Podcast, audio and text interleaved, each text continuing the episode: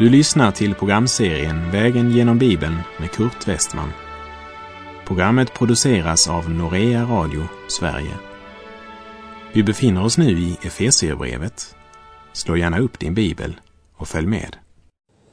Vi avslutade förra programmet med orden i Efesierbrevet 1, vers 3 och 4.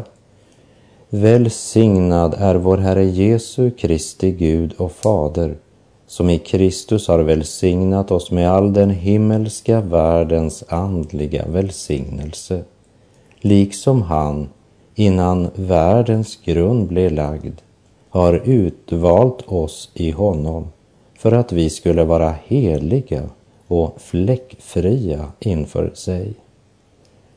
Eftersom den utvalda måste frälsas från sina synder så skedde utväljelsen i Kristus.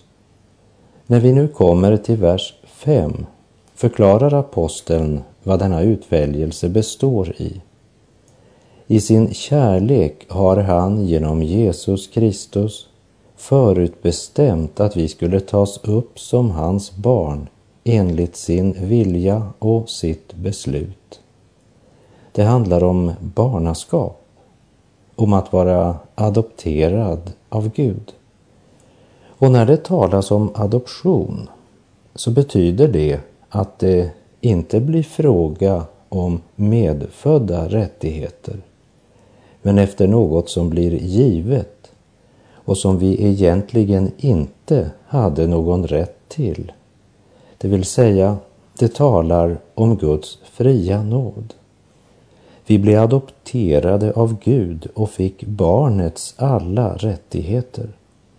Romarbrevet 8.15 säger Ni har inte fått slaveriets ande så att ni på nytt skulle leva i fruktan.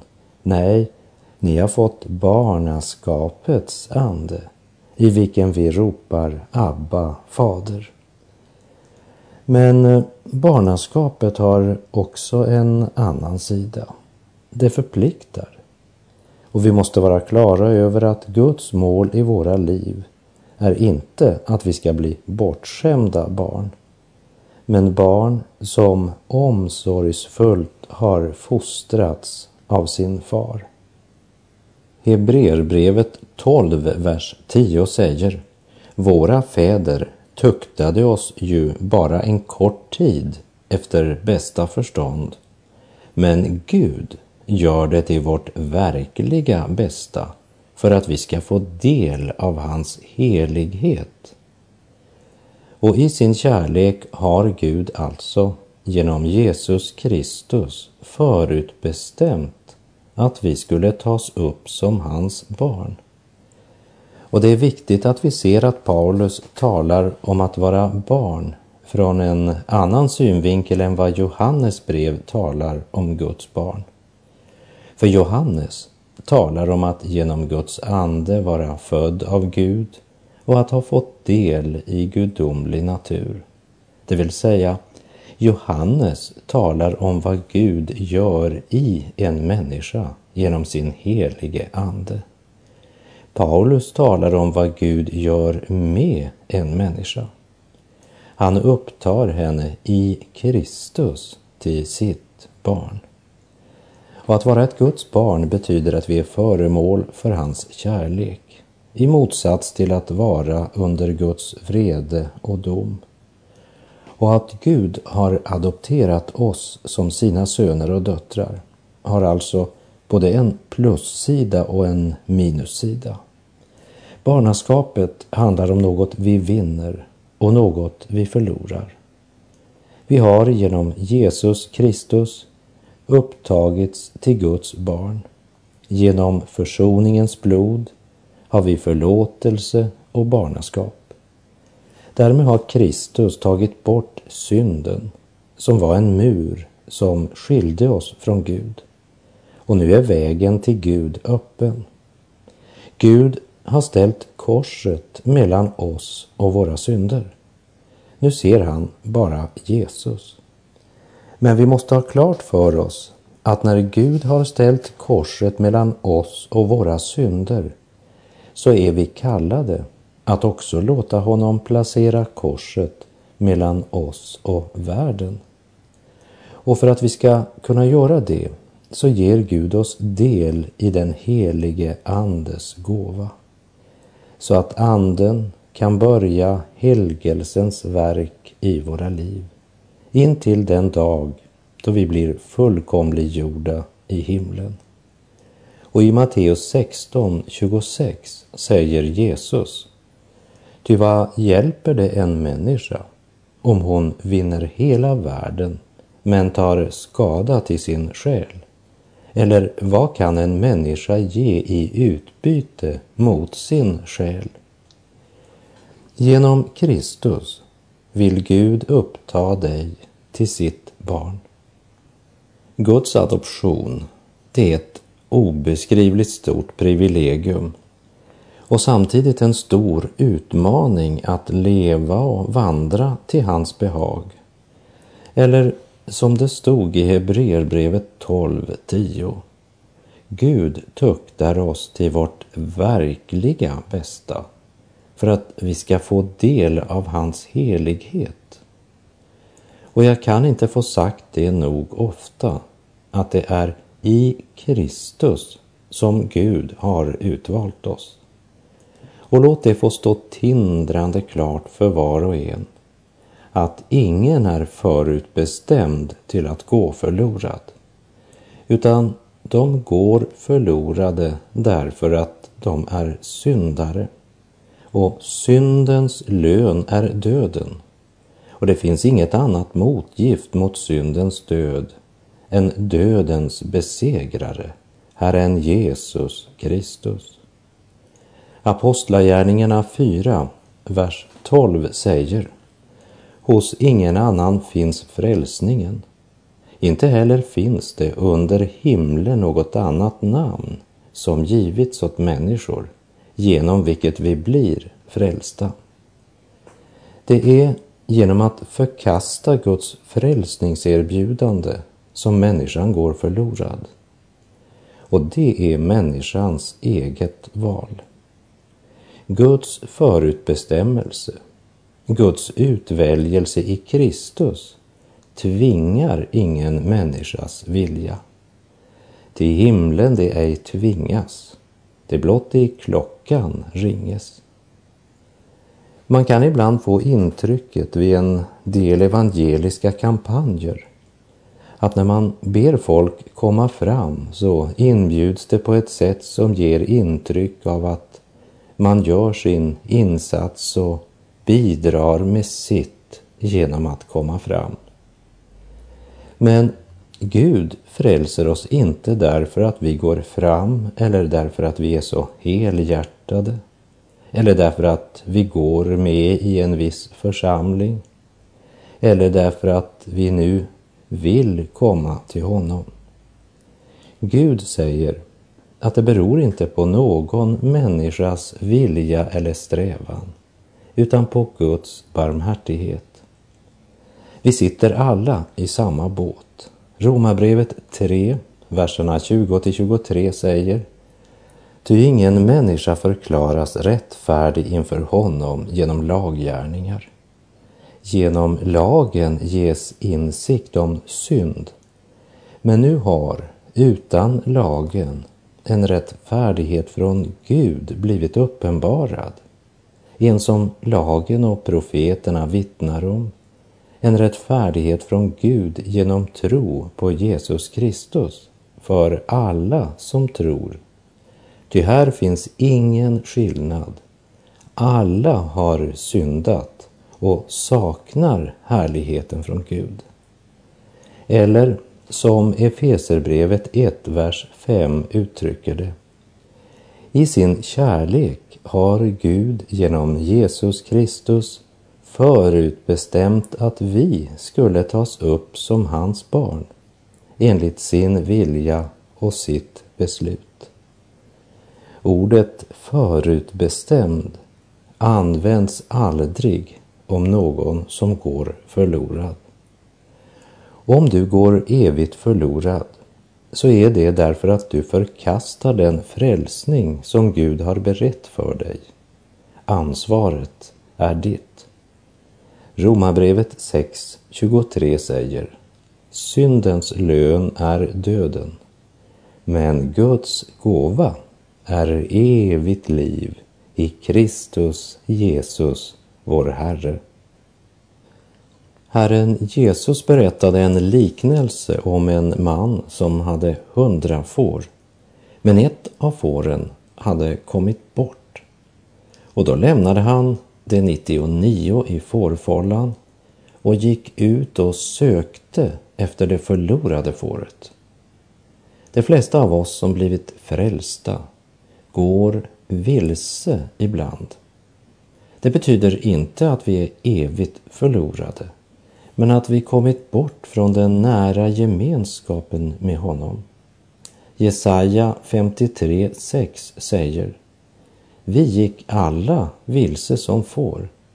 Var och en av oss ville vandra sin egen väg, men Herren lät allas vår missgärning drabba honom. Vi gick alla vilse. Det är vår natur. Bättre än så är det inte. Men när ett av hans får saknas går herden ut och söker. När Paulus talar om att vi i Kristus tas upp som Guds barn så handlar det om att vi föds på nytt till ett levande hopp. Vi har blivit födda på nytt i kraft av Guds ord och Guds helige ande. I Första Korinthierbrevet kapitel 2 och vers 12 står det. Men vi har inte fått världens ande, utan den ande som är från Gud, för att vi ska veta vad vi har fått av Gud. Och allt detta sker i Kristus. I Första Timoteusbrevets andra kapitel och femte vers står det Ty Gud är en och en är medlare mellan Gud och människor, en människa, Kristus Jesus. Vi har fått den ande som är från Gud för att vi ska veta vad vi har fått av Gud. Det handlar alltså om något mera än en teoretisk kunskap. Det handlar om visshet och om att veta vad vi har fått av Gud. Och att leva sitt liv i medveten närvaro av Gud är ett stort och rikt privilegium. Och den som lever där, han önskar också att leva till Herrens ära, leva i ljuset, för att den härliga nåd som han har skänkt oss i den älskade ska prisas, som det står i Efesebrevet 1.6. Än en gång betonar Paulus att det är i kraft av Jesu Kristi försoningsverk som Gud kunnat ge oss sin nåd. Det är som om Paulus ville säga, förstår ni inte att allt handlar om Kristus? Och därför ska vi verkligen söka lära känna honom som person. Frälsningen är en person och den personen heter Jesus. Han är medlaren mellan Gud och människor. Så lär er känna honom, personen Jesus. För det är han som har betalt räkningen för det byggverk som kallas Kristi församling på jorden.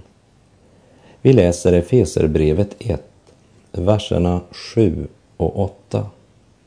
I honom är vi friköpta genom hans blod och har förlåtelse för våra synder på grund av den rika nåd som han har låtit flöda över oss med all vishet och insikt. Från att ha talat om evigheten och förutbestämmelsen i Kristus vänder Paulus nu blicken mot ögonblicket, det vill säga här och nu. Där Gud, Faderns plan, är lagt i Kristi händer. Han som är verksam genom sitt ord och sin helige Ande. Friköpta genom hans blod. Hebreerbrevet 9.22 säger att utan att blod utgjuts ges ingen förlåtelse. Synden gör att vi står med dödsskuld inför Gud. Därför handlar insikten om vår synd inte om något litet marginellt problem utan om själva kärnan. Professor Simpson, som ifrån att ha varit en fattig bagarlärling med flit och strävan arbetade sig fram här i världen tills han en dag blev en berömd forskare och blev upptäckaren av kloroformen som bedövningsmedel och även uppfinnaren av många viktiga kirurgiska instrument. Han tillfrågades en gång vilken av sina upptäckter som han ansåg för den största. Och intervjuaren som nu hade väntat att Simpson skulle nämna någon av sina upptäckter på medicinens eller kirurgins område blev därför ganska överraskad när Simpson svarade. Den viktigaste upptäckt jag har gjort är att jag var en syndare och att Jesus var min frälsare. Han upptäckte att han var räddningslöst förlorad syndare och att endast i Kristus finns den förlorade människans räddning. Hör detta, kära vän som just nu lyssnar. I Jesus är du friköpt. Genom hans blod och har förlåtelse för dina synder på grund av den rika nåd som han har låtit flöda över dig med all vishet och insikt. Det var Jesu huvuduppdrag att friköpa dig och mig. Och i Matteus 20, vers 28 säger Jesus själv. Så har inte heller Människosonen kommit för att bli tjänad utan för att tjäna och ge sitt liv till lösen för många. Han har givit sitt liv till lösen för dig och mig. I honom är vi friköpta, står det i folkbibelns översättning. I norsk bibel står det i honom har vi förlossningen. Som en härlig gudomskälla rik och mäktig, djup och stor är den kärlek, nåd som i Jesu hjärta bor. Han har öppnat pärleporten så att jag kan komma in.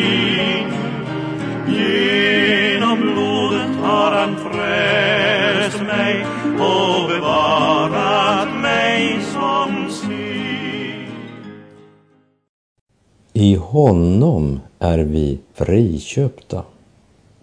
Den grekiska översättningen av det nya testamentet har tre olika ord som talar om denna förlossning, att friköpas. Det grekiska ordet agoraso betyder att handla på marknaden. Här används alltså bilden av husfrun som går till marknadsplatsen på morgonen för att köpa det som behövs för dagen. Hon ser några grönsaker och en stek. Hon lägger kontanterna på disken. Hon betalar priset. Och nu tillhör varorna naturligtvis henne. Den enda tanken i ordet agorazo är alltså att köpa och ta med. Och det är det ord Paulus använder bland annat i Första Korinthierbrevet 6.20. Ni har blivit köpta och priset är betalt. Så förhärliga då Gud i er kropp. Det andra grekiska ordet är exagoraso som betyder att lösköpa ur marknaden. Låt mig ge dig ett exempel. Någon kunde ju gå till marknaden och köpa grönsaker och kött och sedan resa hem till en annan plats där det fanns lite varor för att där sälja dem igen till ett högre pris. Men ordet exagoraso betyder att ta varorna ut från marknaden och aldrig sälja dem igen. Och det ordet är använt i Galaterbrevet 3.13. Kristus friköpte oss från lagens förbannelse när han blev en förbannelse i vårt ställe. Det står skrivet förbannad är var och en som är upphängd på trä. Vi friköptes för att den välsignelse Abraham fått skulle i Jesus Kristus komma till hedningarna och för att vi genom tron skulle få den utlovade anden. Det vill säga, Kristus friköpte oss för att vi aldrig skulle bjudas ut till försäljning igen. Han har betalt priset. Vi tillhör honom och är inte längre till salu. Det tredje ordet för att friköpa är apolutrosis. Och det är det ord som används här i Efeserbrevet 1.7. I honom är vi friköpta genom hans blod och har förlåtelse för våra synder. Och ordet betyder att genom att betala lösensumman friköpa en person. Och ordet friköpa i Efeserbrevet 1.7 har samma betydelse som Jesu ord i Lukas 21.28. Men när detta börjar ske, så räta på er och lyft upp era huvuden, ty då närmar sig er förlossning.